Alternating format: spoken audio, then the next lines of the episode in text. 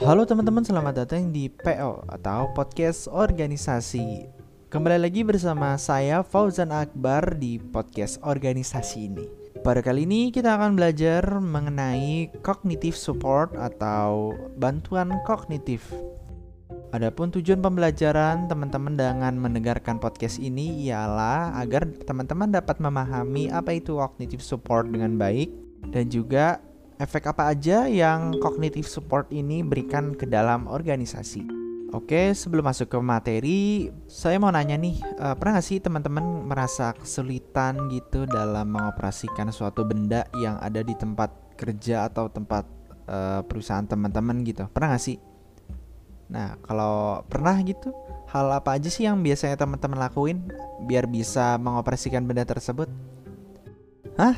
Nanya atasan? Ya bisa-bisa aja gitu nanya ke atasan Tapi kan kalau keseringan jadi nggak enak ya Nah uh, pasti teman-teman uh, bakalan menggunakan semacam buku panduan gitu ya untuk mempelajarinya Atau guidebook dalam bahasa Inggris saya Nah, tahu nggak sih teman-teman buku panduan itu termasuk ke dalam uh, cognitive support atau bantuan kognitif.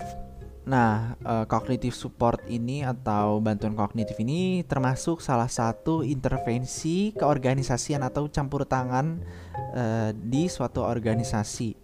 Nah, apa sih itu cognitive support? Cognitive support atau bantuan kognitif adalah uh, pemanfaatan bentuk lain yang membantu mempermudah seseorang untuk berpikir atau memecahkan masalah.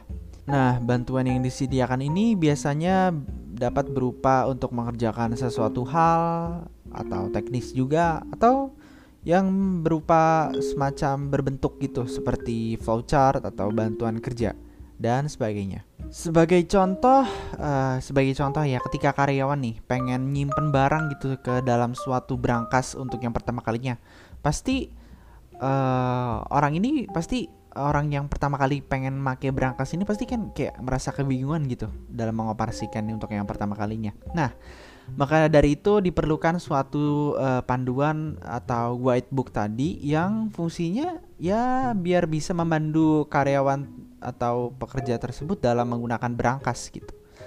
Nah, cognitive support atau bantuan kognitif ini e, merupakan solusi yang dianggap membelajarkan, namun bukan dalam bentuk pelatihan murni. Pelatihan murni yang di sini itu ya pelatihan murni yang yang e, yang ada tahap proses perencanaan, implementasi sampai ke evaluasinya. Bukan seperti itu ya. Jadi cognitive support ini bisa dibilang semacam upaya yang lebih sederhana dibandingkan dengan pelatihan murni gitu. Kenapa sih kok bisa gitu? Ya karena penyajian informasi ini kayak sebenarnya itu nggak perlu diingat gitu.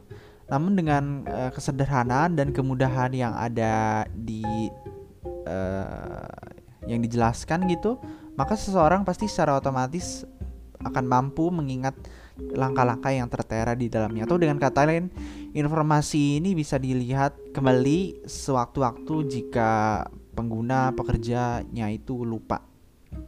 Nah, sebagai tambahan, cognitive support ini untuk sekarang ini merupakan turunan dari yang namanya manajemen pengetahuan atau yang biasa lebih dikenal sekarang itu sebagai knowledge management. Nah, itu tadi sedikit pembahasan mengenai cognitive support. Semoga teman-teman yang telah mendengarkan dapat tercarahi, terjelaskan mengenai uh, cognitive support ini ya.